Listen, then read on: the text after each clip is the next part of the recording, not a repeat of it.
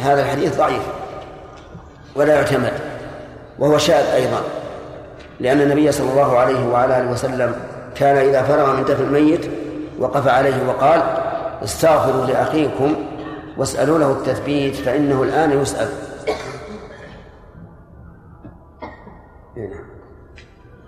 نعم. سبق معنا في درس أمس. نعم. سبق في درس أمس حديث. ها؟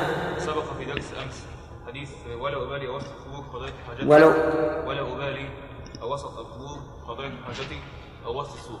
إيش؟ حديث ولا أبالي أوسط القبور قضيت حاجتي أو وسط السوق. أو؟ أو وسط السوق. أو وسط السوق. هل يدل على جواز لا لا لا. يقول معناه أنه إذا كان لا يمكن أن تقضي حاجتك في السوق فلا يمكن أن تقضيها في في المقابر.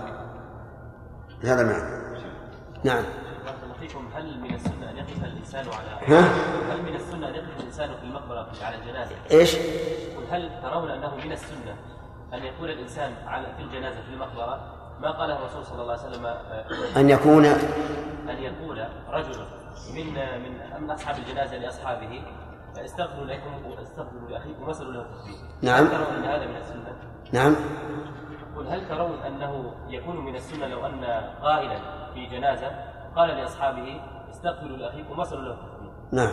فهل هذا يكون اصاب السنة؟ طيب هذا يهتم به لا بأس. نعم. ألا يشق بطن الذمية ها؟ بطن الذمية ألا يشق إيش؟ الذمية ألا يشق بطنها ويخرج منها جنين المسلم لا. إذا أنا ماتت هي وياه وش الفائدة من شقه؟ أقول مات الجنين وهي ماتت أيضا. في نعم. يدفن في مقابر المسلمين. لا ما ما دام إنه دفن في مكان خال من من قبور الشرك ما في مانع. نعم. بس خلاص ثلاثة يا أخي. نعم.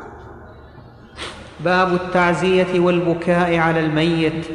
التعزية سنة لما روى ابن مسعود رضي الله عنه أن النبي صلى الله عليه وسلم قال من عزى مصابا فله مثل أجره وهو حديث غريب وتجوز التعزية قبل الدفن وبعده لعموم الخبر ويكره الجلوس لها لأنه محدث ويقول في تع... لأنه محدث. محدث. محدث. نعم. ويقول في تعزية المسلم بالمسلم أعظم الله أجرك وأحسن عزاءك ورحم ميتك وفي تعزيته بكافر أعظم الله أجرك وأحسن عزاءك وتوقف أحمد عن تعزية أهل الذمة وهي تخرج على عيادتهم وفيها روايتان. إحداهما يعودهم لأنه روي أن غلاما من اليهود كان يخدم النبي صلى الله عليه وسلم فأتاه يعوده فقعد عند رأسه فقال له أسلم. فنظر إلى أبيه وهو عند رأسه وهو عند رأسه فقال له أطع أبا القاسم فأسلم. فقام النبي صلى الله عليه وسلم وهو يقول الحمد لله الذي أنقذه من النار. رواه البخاري بي.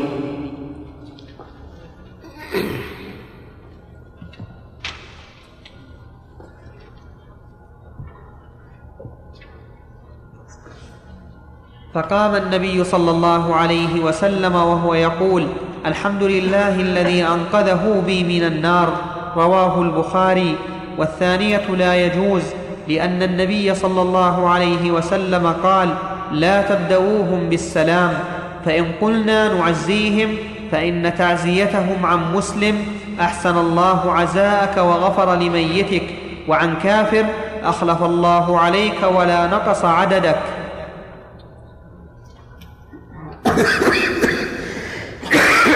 هذه كلمات استحسان من العلماء رحمهم الله وليس فيها آثار عن النبي صلى الله عليه وعلى آله وسلم. نعم. فصل. نعم. وال... إمام صلى على ميت فلم يكبر إلا ثلاثة. إيش؟ إمام صلى على ميت فلم يكبر إلا ثلاثة. نعم. فهل تجب الصلاة عليه بعد الدفن؟ وإذا وجبت فهل لها مدة محددة؟ نعم. يجب عليه أن يعيدها.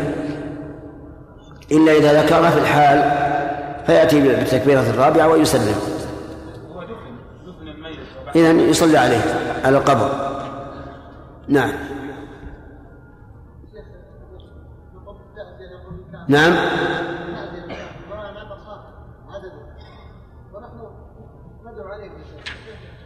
نعم. ولا نقص عددك. لأنه إذا زاد عددهم زادت الجزية لنا. فهمت؟ اي نعم. نعم. نعم. هل ثبتت التعزية نعم. التعزية الثالثة أي إيش؟ الثالثة؟ الثالثة ها؟ إي نعم. ما ثبتت لكن فيما أعلم أنها لا لم تثبت لكنه لا بأس بها. نعم. فصل. ثلاثة؟ نعم. شيخ بارك الله فيكم يعني قلت هذا استحسان العلماء. نعم. ها؟ في تعزية الكفار نعم ماذا تقولون في عصرنا هل الكفار الموظفين والله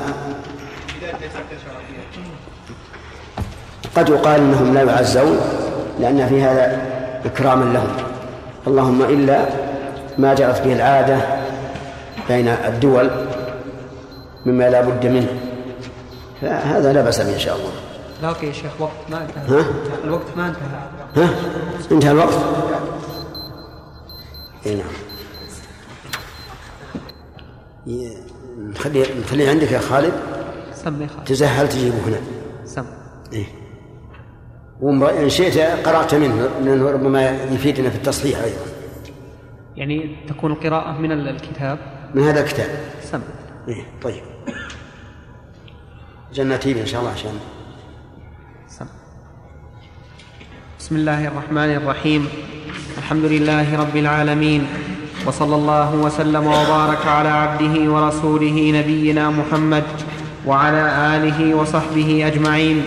قال الإمام الموفق أبو محمد رحمه الله تعالى في كتاب الكافي با- باب التعزية والبكاء على الميت فصل والبكاء غير مكروه إذا لم يكن معه ندب ولا نياحة لما روي أن النبي صلى الله عليه وسلم دخل على سعد بن عبادة فوجده في غاشية فبكى وبكى أصحابه وقال ألا تسمعون؟ إن الله لا يعذب بدمع العين ولا بحزن القلب ولكن يعذب بهذا وأشار إلى لسانه أو يرحم. متفق عليه. ولا يجوز لطم الخدود وشق الجيوب والدعاء بدعوى الجاهلية لما روى ابن مسعود رضي الله عنه أن النبي صلى الله عليه وسلم قال ليس منا من ضرب الخدود وشق الجيوب ودعا بدعوى الجاهلية. وعن أبي موسى أن النبي صلى الله عليه وسلم برئ من الصالقة والحالقة والشاقة متفق عليهما ويكره الندب والنوح ونقل حرب عن أحمد بسم الله كلاما الرحمن الرحيم. بين المؤلف في هذه القطعة أن البكاء غير مكروه وهذا إذا جاء بمقتضى الطبيعة. أما مع التقصد فلا لكن إذا جاء بمقتضى الطبيعة فإنه لا بأس به. ولا سيما إذا كان الحامل عليه الرحمة دون فقد الأحباب. بأنه قد يؤجر على هذا. لأن لأن الراحمين يرحمهم الرحمن عز وجل. وثم استدل لذلك بحديث أن النبي صلى الله عليه وسلم دخل على سعد بن عبادة فوجده في غاشية فبكى. وبكى أصحابه وقال ألا تسمعون إن الله لا يعذب بدمع العين ولا ولا بد ولا بحزن القلب ولكن يعذب بهذا وأشار إلى لسانه أو يرحم متفق عليه.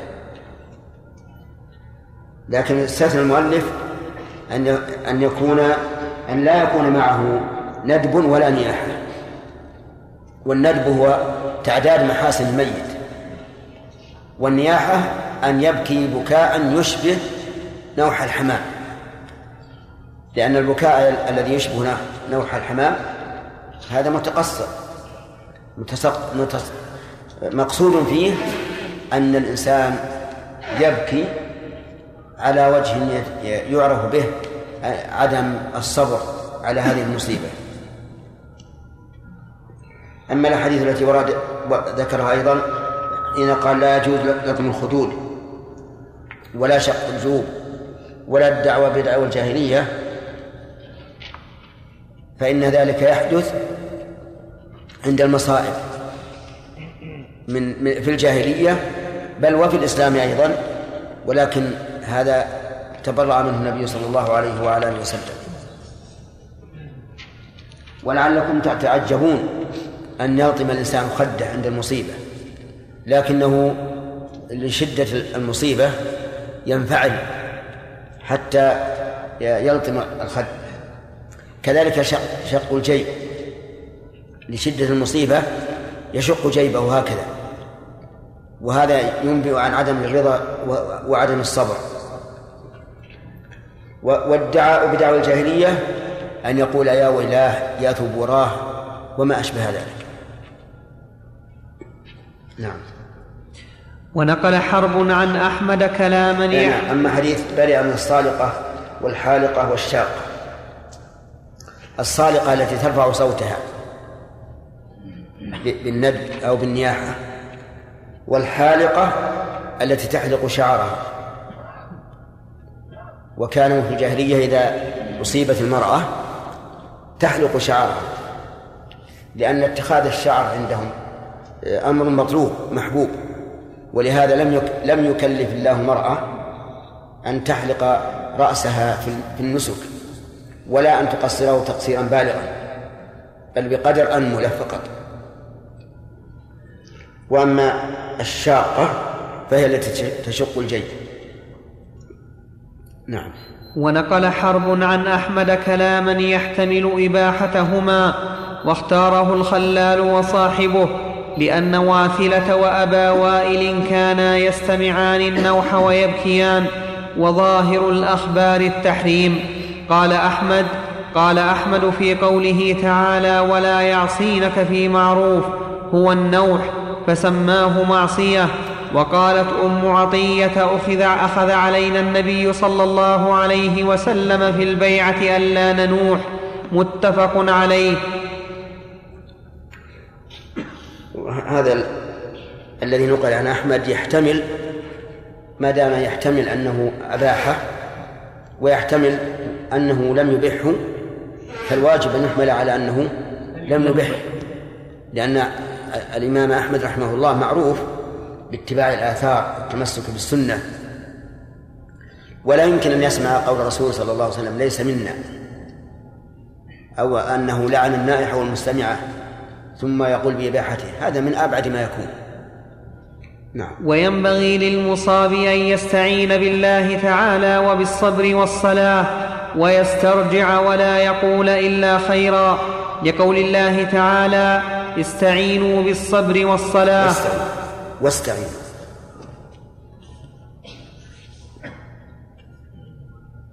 لقول الله تعالى واستعينوا بالصبر والصلاة. الآيات وقالت أم سلمة رضي الله عنها سمعت رسول الله صلى الله عليه وسلم يقول ما من عبد مسلم تصيبه مصيبة فيقول إنا لله وإنا إليه راجعون.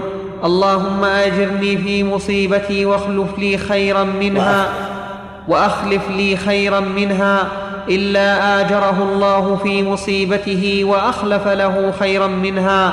قالت فلما توفي أبو سلمة قالت فلما توفي أبو سلمة قلتها فأخلف الله لي خيرا منه رواه مسلم. وقال لما مات أبو سلمة لا تدعوا على أنفسكم إلا بخير فإن الملائكة يؤمنون على ما تقولون رواه مسلم. هكذا ينبغي وقول المؤلف ينبغي الظاهر أن مراده الوجوب يعني يجب على الإنسان أن يستعين بالله تعالى بالصبر والتحمل والصلاة وأن يفكر هل أحد من الناس بقي حتى يبقى هذا الذي فقده هذا المصاب.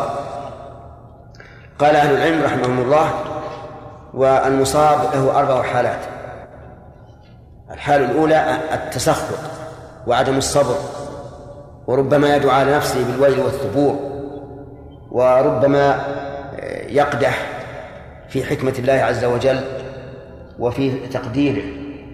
وهذا حرام بلا شك وربما يصل إلى درجة الكفر. الحالة الثانية الصبر.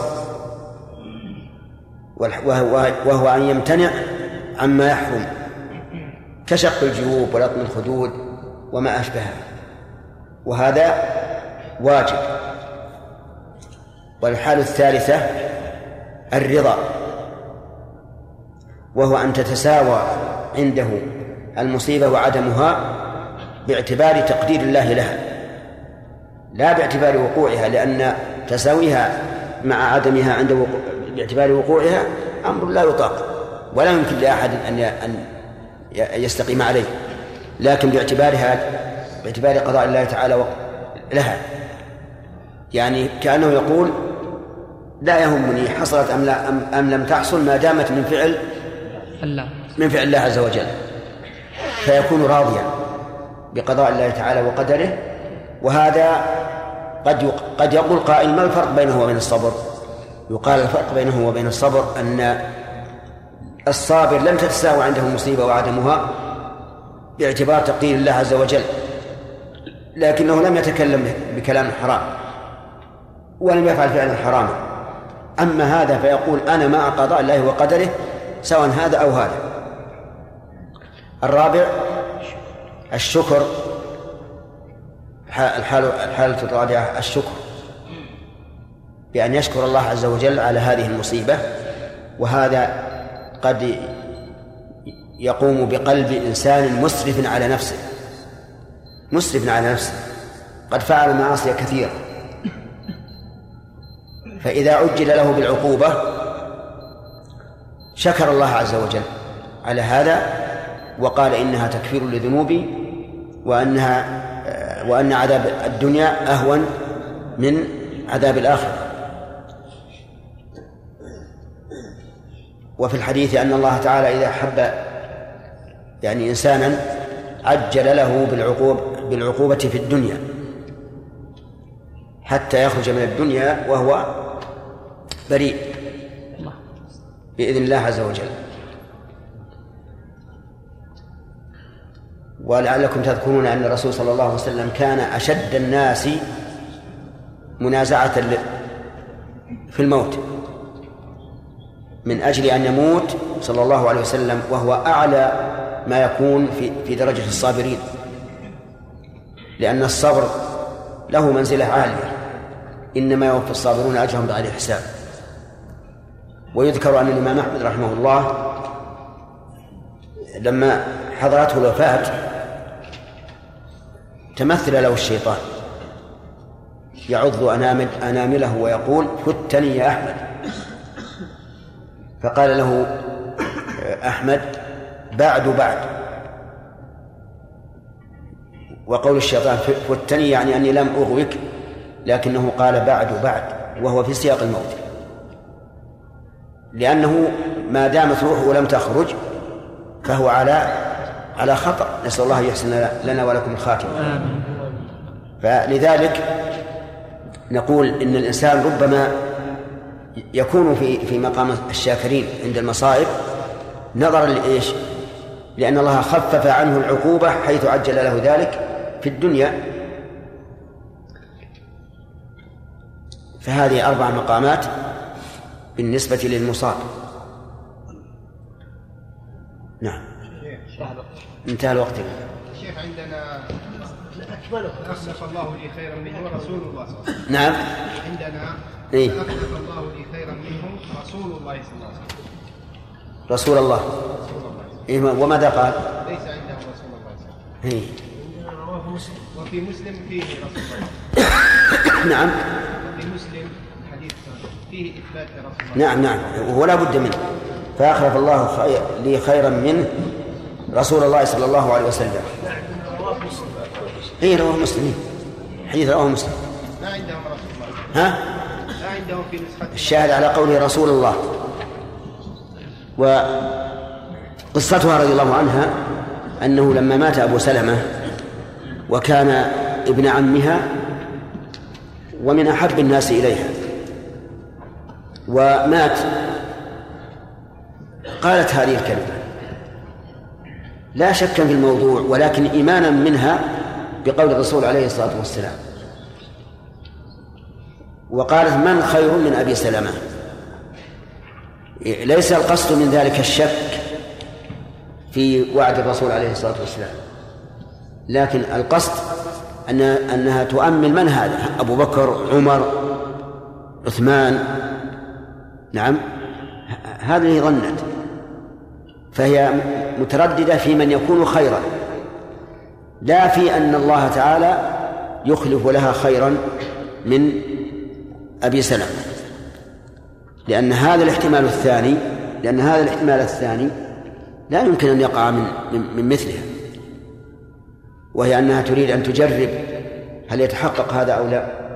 بل هي مؤمنة به ولذلك قالت هذا الكلام مع أن أبا سلمة من من من خيار الأزواج. وما أن انقضت عدتها وما أن انقضت عدتها حتى خطبها النبي صلى الله عليه وسلم. فأخلف الله لها خيرا من ذلك. والحديث كما تعلمون أن الرسول صلى الله عليه وسلم لما حضرته حضر إلى أبي سلمة وقد حضرته الوفاة وجاء وقد دخل عليه وقد شق بصره.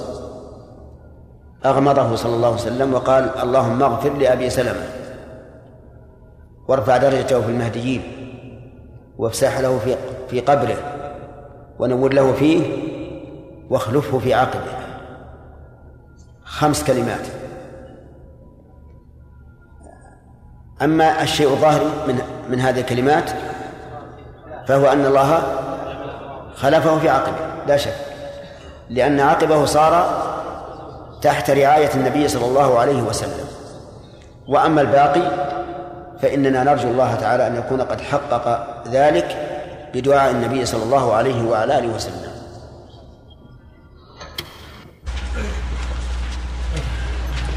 طيب الآن في أحاديث حضرت؟ في أحاديث جاءت ولم يأتي منها شيء. كيف. جاءت ولم يعني منها شيء؟ اللجنة عند اللجنة الآن عندها أحاديث ما ما رأينا منها شيء. عاد أنت ولا ولا شيء؟ أنت ولا شيء؟ ربما هذا إن شاء الله يختم الم- الموضوع كثيرا النسخة هذه ونكتفي بها و... والتخريج إن شاء الله في وقت يكون أوسع للطلب يكون الوقت واسع عند الطلبة نعم. بسم الله الرحمن الرحيم.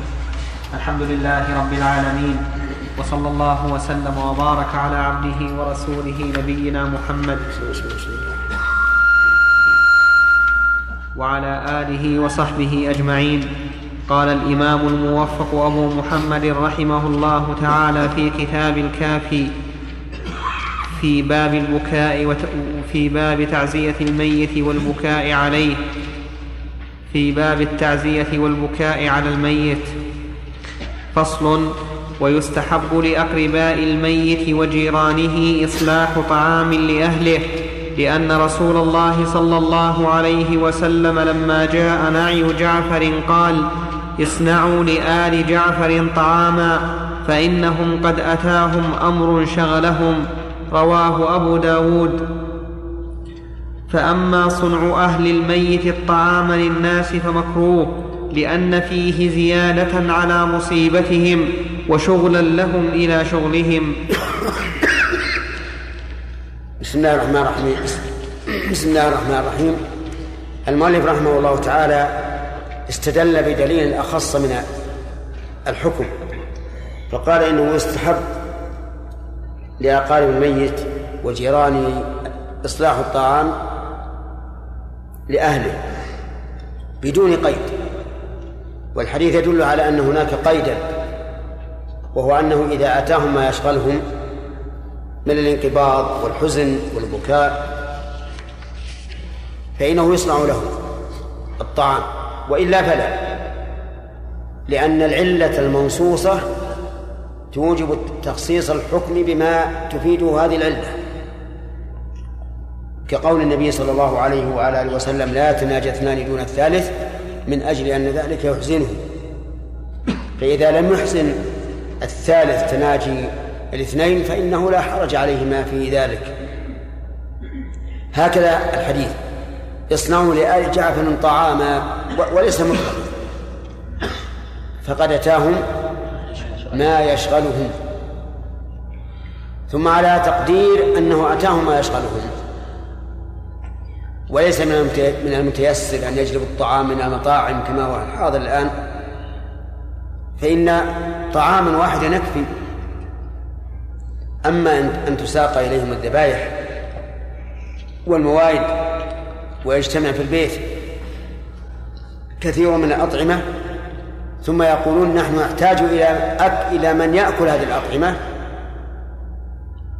فيحضر الناس من يمين وشمال من أجل أكل هذه الأطعمة فهذه ليس من السنة. كما هو الواقع الآن في كثير من البلاد الإسلامية. نعم.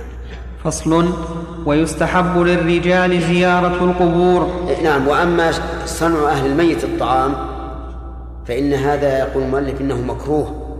وظاهر حديث جرير بن عبد الله البجلي قال كنا نعود الاجتماع إلى أهل الميت إلى أهل الميت وصنع الطعام من النياحة فظاهر هذا الحديث أنه حرام أن يصنعوا الأطعمة للناس ليأتوا إليهم لأن هذا الصحابي الجليل جرير بن عبد الله عده من النياحة نعم. فصل ويستحب للرجال زيارة القبور لأن النبي صلى الله عليه وسلم قال كنت نهيتكم عن زيارة القبور فزوروها فإنها تذكركم الموت رواه مسلم. وإذا مر بها أو زارها قال ما روى مسلم. قال كان رسول الله صلى الله عليه وسلم يعلمهم إذا خرجوا إلى المقابر فكان قائلهم يقول السلام عليكم أهل الديار من المؤمنين والمسلمين. وإنا إن شاء الله بكم للاحقون. نسأل الله لنا ولكم العافية. وفي حديث آخر ويرحم الله المستقدمين منا والمستأخرين.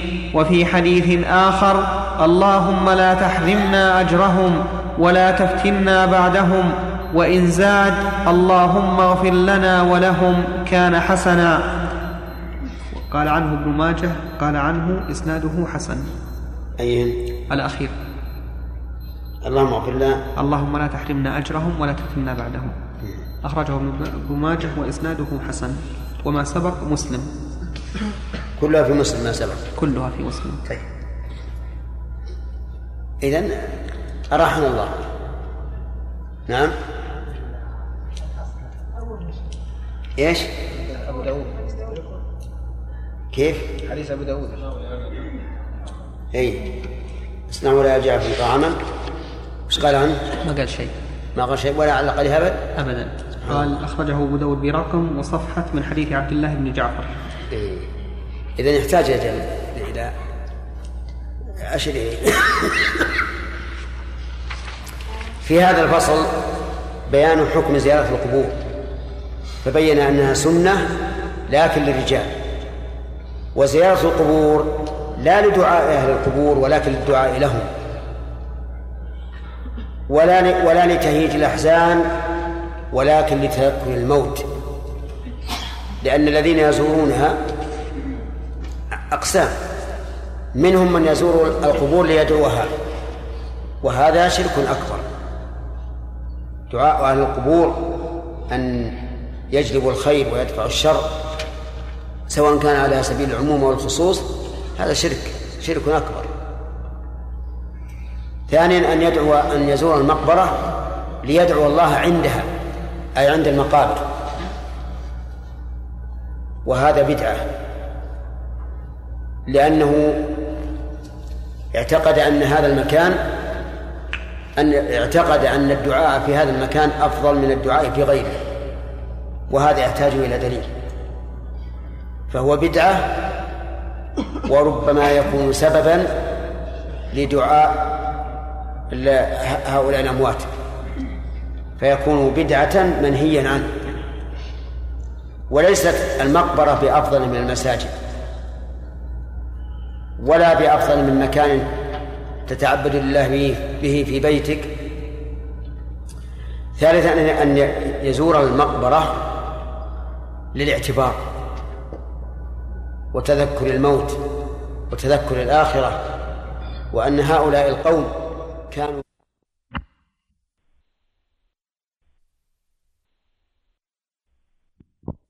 أي عند المقابر. وهذا بدعة. لأنه اعتقد أن هذا المكان أن اعتقد أن الدعاء في هذا المكان أفضل من الدعاء في غيره. وهذا يحتاج إلى دليل. فهو بدعة وربما يكون سببا لدعاء هؤلاء الأموات. فيكون بدعة منهيا عنه. وليست المقبرة بأفضل من المساجد. ولا بأفضل من مكان تتعبد لله به في بيتك. ثالثا أن يزور المقبرة للاعتبار وتذكر الموت وتذكر الآخرة وأن هؤلاء القوم كانوا بالأمس معك على ظهر الأرض وأصبحوا الآن مرتهنين بأعمالهم. لا يستطيعون زيادة في الأعمال ولا ولا نقص من السيئات. فيعتبر ويتعظ ويعظ نفسه ويقول لا تدرين لعلك لا تصبحين إلا عندهم أو لا تمسين إلا عندهم. وما أشبه ذلك من الوعظ والتذكير لنفسه. وهذا هو الذي أراده النبي عليه الصلاة والسلام في قوله تذكر الآخرة. رابعا أن نزور المقابر لتهييج الأحزان. كلما اشتاق إلى أمه أو أبيه خرج إلى المقبرة وجلس عند رأس القبر يبكي ويحن. وهذا بدعة لا شك ومنكر. وليس هذا الذي أراده النبي عليه الصلاة والسلام. والإنسان ينبغي له أن ينسى المصيبة لا أن يفعل ما يذكر المصيبة. وهذه أربعة مقاصد كلها تكون لمن لمن زار المقبرة. خمسة والمقاصد الشرعية أن يخرج إلى المقبرة للاعتبار والاتعاظ والدعاء إلى أصحاب القبور. هذه الزيارة الشرعية. وما وما سوى ذلك فإما شركية وإما بدعية. نعم. سمير. نعم. إيش؟ دعاء. دعاء زيارة المقابر نعم. هل يكون بمن يزور القبور؟ إيش؟ هل يكون بمن يزور القبور؟ أم أنه عامة في هل يكون؟ يعني بمن يزور القبور من المقبرة هل يكون خاصا بمن يزور في المقبرة أو أنه عام مثلا الذي يمر على المقبرة راكبا أو ماشيا كيف؟ إذا القبور دعاء هل يكون خاص بمن الذي يذهب إلى القبور ويزورها أو أنه عام مثلا بمن يمر عليها ذكر المؤلف عندك في الكتاب إذا مر أو زار طيب. شيخ نعم. شيخ بارك الله فيكم. في بعض البلاد آه، إذا مات ميتهم آه، ذهبوا إلى الطابعة إلى المطابع وطبعوا أوراق بيضاء مكتوب فيها الميت وساعة الدفن ومكان ما يصلى عليه. وثم يذهب بهذه الأوراق وتعلق على بعض الأمكنة آه، يعني يتحرون أماكن أقرباء هذا الميت.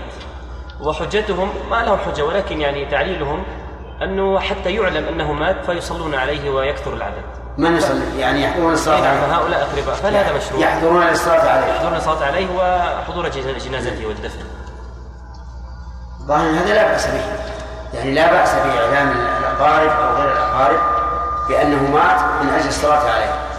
كما نعى النبي صلى الله عليه وسلم النجاشي يوم مات وأمر أصحابه أن يصلوا عليه. بارك الله نعم فؤاد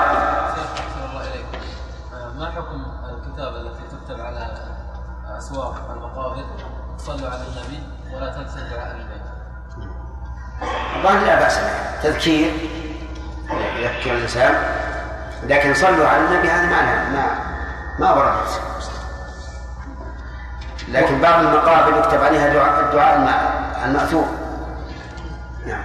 ثلاث وأما النساء طيب بقي عندنا ال- ال- الأدعية. يقول إذا زارها أو مر بها آه نعم. يقول السلام عليكم أهل الديار من المؤمنين والمسلمين. السلام عليكم خطاب. فهل هذا من قوة الاستحضار؟ أو إن أهل المقبرة يسمعون ما يقول؟ نعم. في احتمال. أن يكون لأن أهل المقبرة يسمعون فيقول السلام عليكم فيسمعون. أو من قوة الاستحضار كما نقول نحن السلام عليك أيها النبي ورحمة الله وبركاته مع أن الرسول تنقل ينقل إليه سلامنا. وقوله من المؤمنين والمسلمين. وهل هناك فرق بين الإيمان والإسلام؟ نقول نعم إذا قرن بينهما فبينهما فرق. لأن الإسلام إسلام القلب لأن الإيمان إيمان القلب وإقراره واعترافه ويقينه. والإسلام إسلام الجوارح واستسلامها وهو أضعف حالا من الإيمان. يعني المسلم أضعف حالا من المؤمن. ودليل ذلك قوله تعالى قالت الأعراب آمنا قل لم تؤمنوا ولكن قولوا أسلمنا. وأكثر الناس اليوم إيمانهم إيش؟ إسلام. أكثر الناس اليوم مسلمون. لأنك إذا تأملت تصرفات الناس اليوم وجدتهم يعملون أشياء تنافي كمال الإيمان.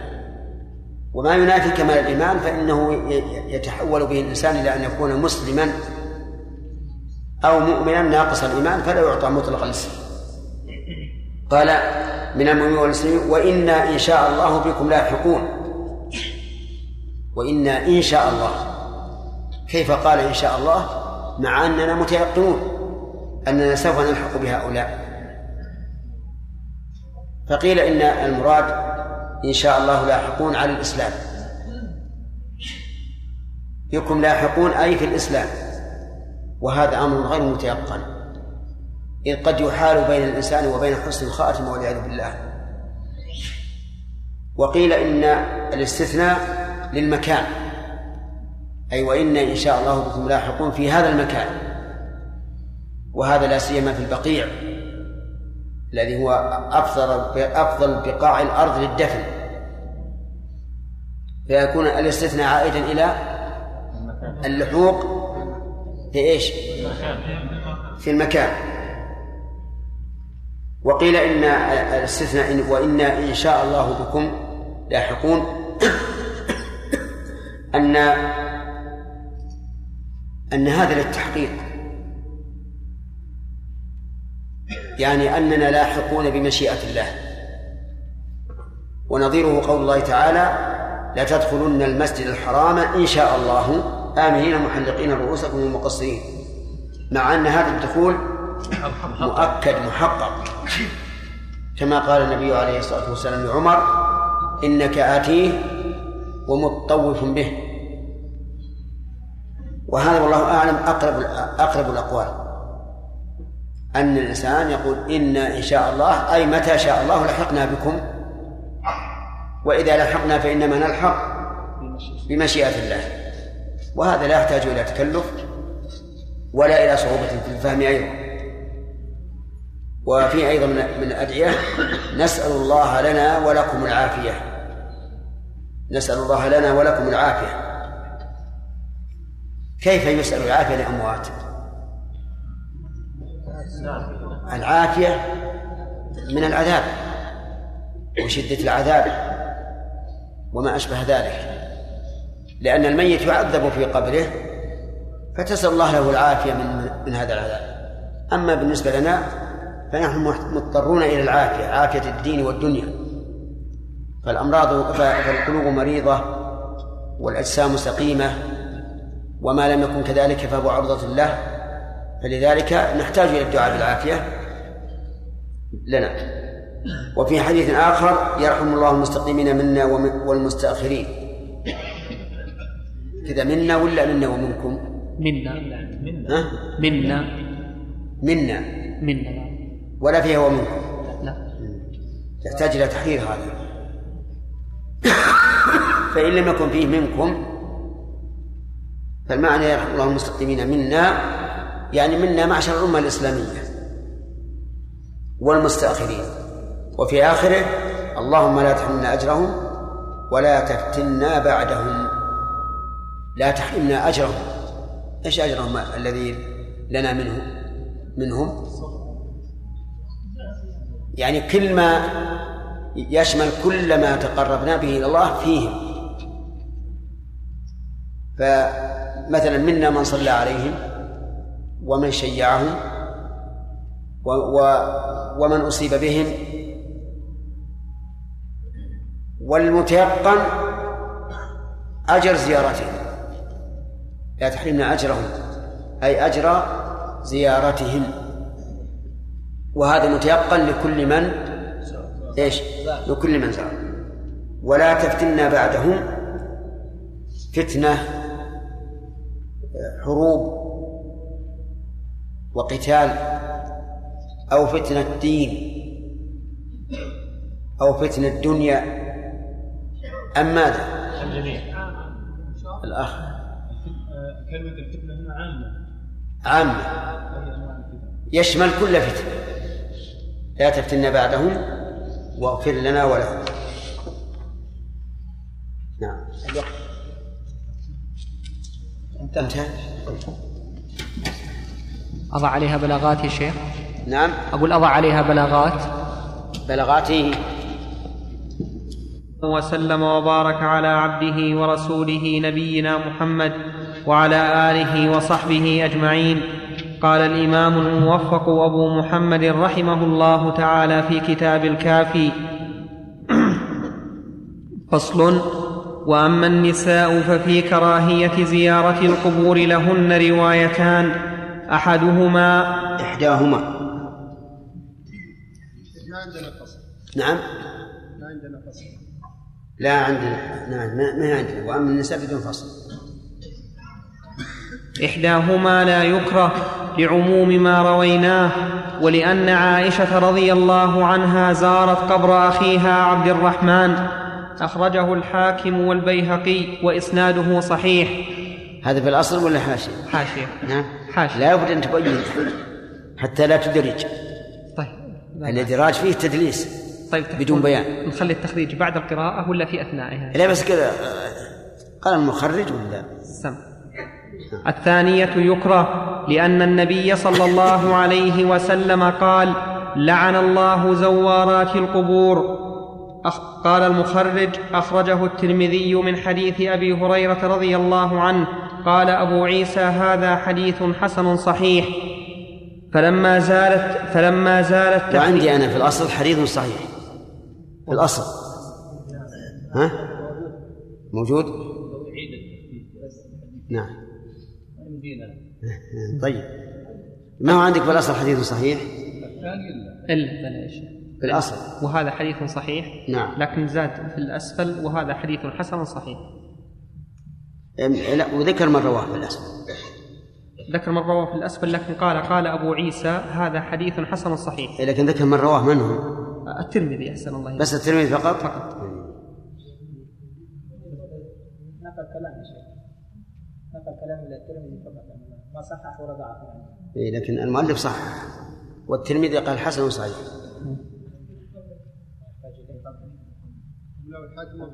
الحاكم والبيهقي وإسناده صحيح. فلما زال التحريم بالنسخ طيب وش رأيكم من التخريج اللي اللي عندك إذا أخلصنا الفصل من كل فصل نعود؟ سم. أحسن من التقديم. أحسن. سم أحسن من التقديم نعم. فلما زال التحريم بالنسخ بقيت الكراهة ولأن المرأة قليلة الصبر فلا يؤمن تهيج حزن فلا يؤمن تهيج حزنها برؤية قبور الأحبة فيحملها على فعل ما لا يحل لها فعله بخلاف الرجل. الصحيح بلا شك ان إن زيارة النساء إلى القبور حرام بل من كبائر الذنوب. لأن النبي صلى الله عليه وعلى آله وسلم لعن زائرات القبور وفي لفظ زوارات القبور. فيحمل اللفظ الثاني على الأول ويقال أن صيغة المبالغة هنا ليست للكثرة بل هي للنسبة. وفعال تأتي للنسبة ولو مرة واحدة. كما يقال فلان من النجارين وإن لم ينجر إلا مرة واحدة. وكما بل كما في قوله تعالى وما ربك بظلام للعبيد. ليس المنفي الكثرة بل نسبة الظلم إليه تبارك وتعالى. وقد بين شيخ الإسلام رحمه الله في الفتاوي بين بيانا واضحا بطلان قول من يقول إن النسخ في قول الرسول عليه الصلاة والسلام كنت نهيتكم عن زيارة القبور فزوروها عام للرجال وال... عام للرجال والنساء. وقال هذا لا يصح وإنما هو في الرجال فقط. وما ذكر المؤلف رحمه الله من التعليل لا شك أنه قوي. إن أن المرأة إذا زارت فهي رقيقة ضعيفة يتهيج حزنها برؤية قبور الأحبة وربما تنوح وربما تبقى المدة الطويلة عند القبر وربما يعترضها الفساق. وربما يحدث لها وحشة إذا انفردت من المقبرة ويختل عقلها بهذا. المهم أن هناك مفاسد كثيرة في زيارة المرأة للنساء. نعم في زيارة المرأة للقبور. فإن قال قائل إن عائشة رضي الله عنها قال علمها النبي عليه الصلاة والسلام إذا زارت القبور أن تقول السلام عليكم دار قوم المؤمنين. قلنا إن مراد الرسول عليه الصلاة والسلام ما إذا مرت المرأة بالمقبرة فلا بأس أن تقف وتدعو. وأما أن تخرج من بيتها قاصدة المقبرة فهذا حرام بل من كبائر الذنوب. نعم.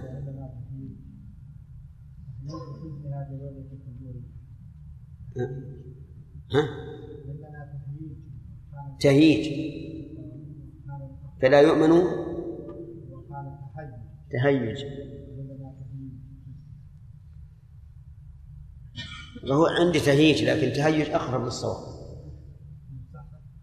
يحطها نسخة ويتبين للقارئ أنه أصح. نعم. فصل ويستحب لمن دخل المقابر خلع نعليه لما روى بشير بن الخصاصية. قال بينما أنا أمشي. خصاصية تشديد. لما روى بشير بن الخصاصية قال بينما أنا أماشي رسول الله صلى الله عليه وسلم إذ حانت منه نظرة فإذا رجل يمشي في القبور عليه نعلان فقال يا صاحب السبي السبت. السبتيتين. فقال يا صاحب السبتيتين ويحك ألق سبتيتيك. فنظر الرجل فلما عرف رسول الله صلى الله عليه وسلم خلعهما فرمى بهما رواه أبو داود فإن خاف الشوك إن خلع نعليه فلا بأس بلبسهما للحاجة ولا يدخل في هذا الخفاف لأن نزعها يشق. وفي نزعهما؟ أو نزعها؟ نزعها. بهاء ولا بالميم؟ نعم.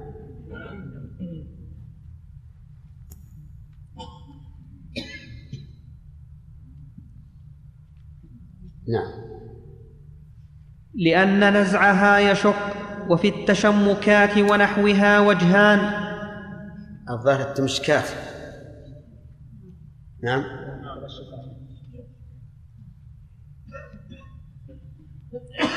ضبطه يا شيخ. وش ضبطه؟ التمشكات.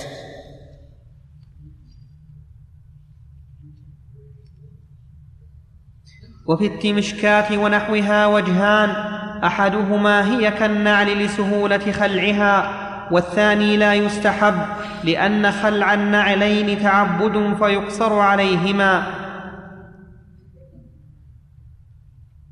من يعرف هذه التمشكات ها؟ أنا عندي مدارس.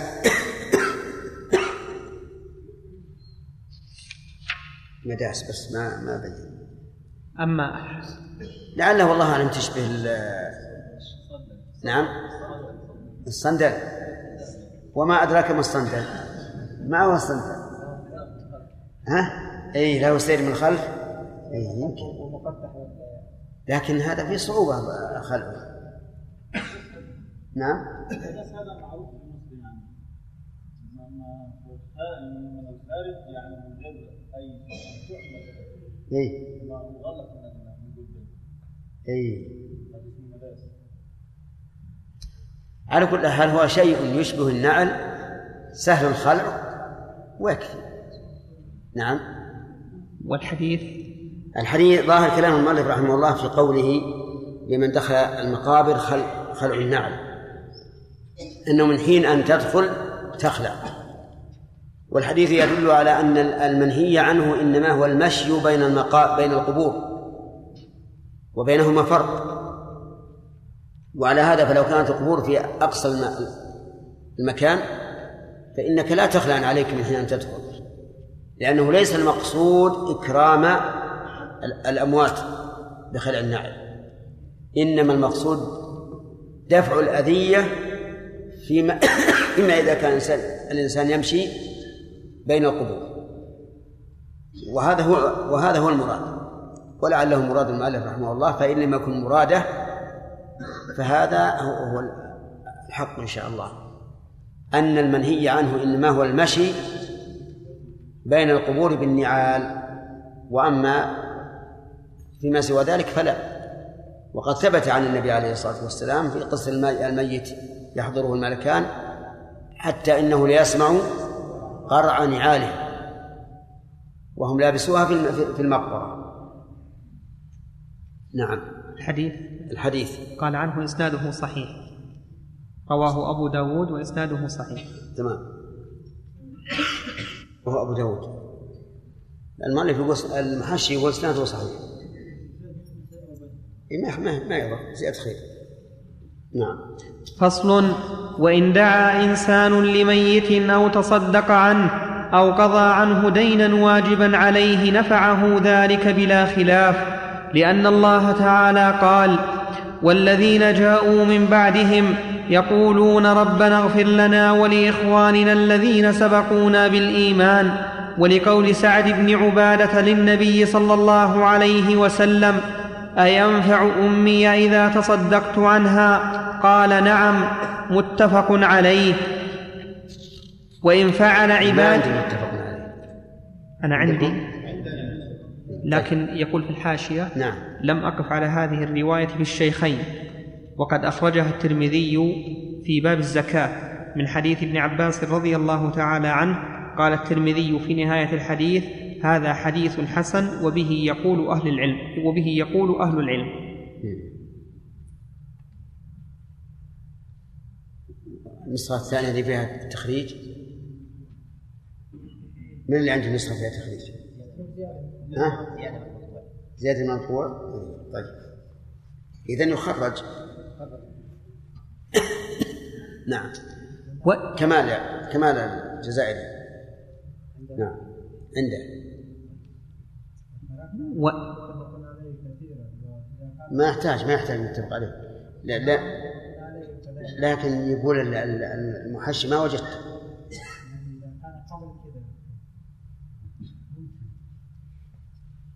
يقول ما وجدته.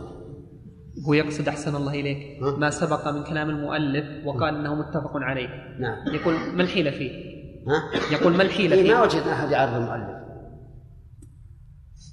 من وجدنا المعارض. لابد نحكم بينهما.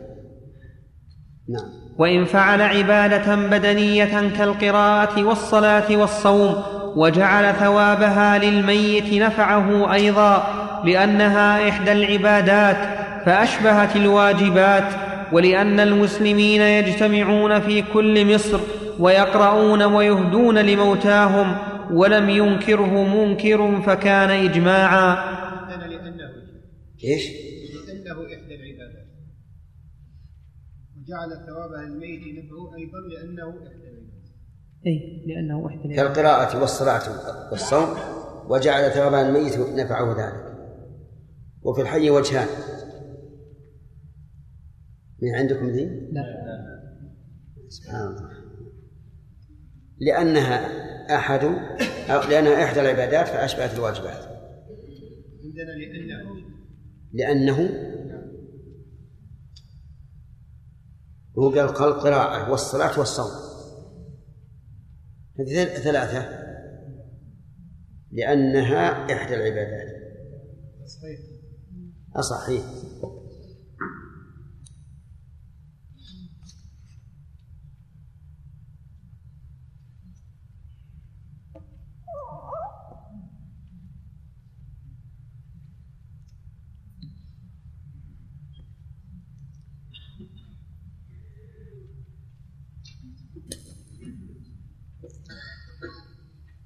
هذه المسألة مسألة إهداء القرب أو ثوابها إلى الأموات في خلاف.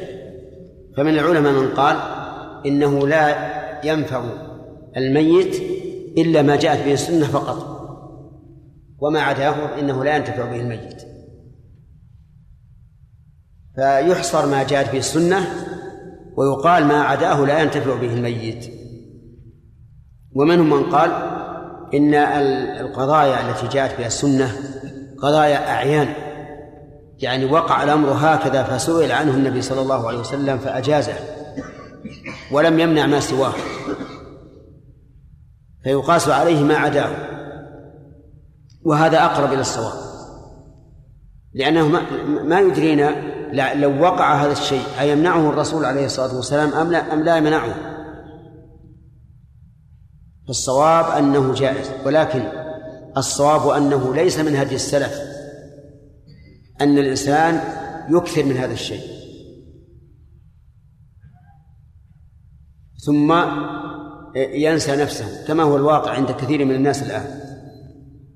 بل يقال استرشد بما أرشد بما أرشدك النبي صلى الله عليه وعلى آله وسلم إليه حيث قال إذا مات الإنسان انقطع عمله إلا من ثلاث صدقة جارية أو علم ينتفع به أو ولد صالح يدعو له. فالنبي عليه الصلاة والسلام أرشدك إلى الدعوة للميت. وهذه أفضل من الصدقة له أو التسبيح له أو الصلاة أو الصوم أو العمرة. نعم. وهذا أصح أن يقال إهداء القرب للأموات نافع لكنه ليس بالمشروع. ولا مطلوب من الإنسان ولا مرغب فيه بل الدعاء أفضل. حتى إن النبي عليه الصلاة والسلام لما سئل هل بقي من بر والدي شيء بعد موتهما لم يذكر العمل لهما إطلاقا. بل قال الاستغفار لهما والصلاة عليهما يعني الدعاء وإكرام صديقهما وصلة الرحم التي ليس لا, لا صلة لك إلا بهما. ولم يذكر الصدقة ولم يذكر الصوم ولا الحج ولا غيره. مما يدل على أن العبادات تختص بالفاعل. وأما الدعاء فبابه واسع. كل المسلمين يدعو بعضهم لبعض. السلام علينا وعلى عباد الله الصالحين. هذا يشمل كل صالح ميتا كان أم حيا. نعم. نعم. أحسن الله إليك. ذكر بعض أهل العلم من المعاصرين على أنه قال من باب التحريم زيارة المرأة للمقبرة قال من باب سد الذريعة. قال إيش؟ قال من باب سد الذريعة للتحريم نعم. ولكن الأصل الجواز. نعم. النبي صلى الله عليه وسلم باختلاف عصرنا الآن. واستدل بذلك بأربعة أدلة. نعم. الدليل الأول حديث عائشة. نعم. الثاني قال ما ثبت في حق النساء ثبت في حق الرجال إلا بدليل. نعم. وثالثا قال أما حديث لعن زيارة النبي صلى الله عليه وسلم لعن زائرات القبور قال أن هذا الحديث ضعيف. نعم. والصحيح لعن زوارات القبور. نعم. الوجه الرابع. يعني إن لفظ لفظ زائرات ضعيف. أي نعم. وزورات صحيح. أي نعم. نعم. والوجه الرابع قال أن من أول حديث عائشة المقصود بها إذا قصدت الزيارة هذا خلاف اللفظ. نعم. وظاهر اللفظ العموم. أي نعم. نعم. آه، كل هذا ت- تمحض في الواقع. ولو أنه فكر بدون آه، أدلة لوجد أن الحكمة تقتضي منع النساء من زيارة القبور لما أشرنا إليه من بعض المفاسد. فأما حديث عائشة فقد عرفت أنه يمكن الجمع بينه وبين النهي وإذا أمكن الجمع بين بين نصين وجب المصير إليه. لئلا يؤدي ترجيح أحدهما على الآخر إبطال الثاني فيجب الرجوع إليه. وأما أن هذا لفظه زوارات دون زائرات فيقال إن زائرات قد صحح غيره. مع أن زوارات ليست نصا في أن المراد الكثرة والمبالغة. كما قلنا أن المراد النسبة. الثالث ما ثبت بحق الرجال ثبت بحق النساء إلا بدليل. نقول نعم ونحن نقول هنا هناك دليل. يمنع النساء. ويستحب الرجال. والرابع؟ تأويل حديث إيه، تأويل حديث عائشة. والأصل عدم التأويل. انتهى الوقت؟ هذا اقتراح. يقول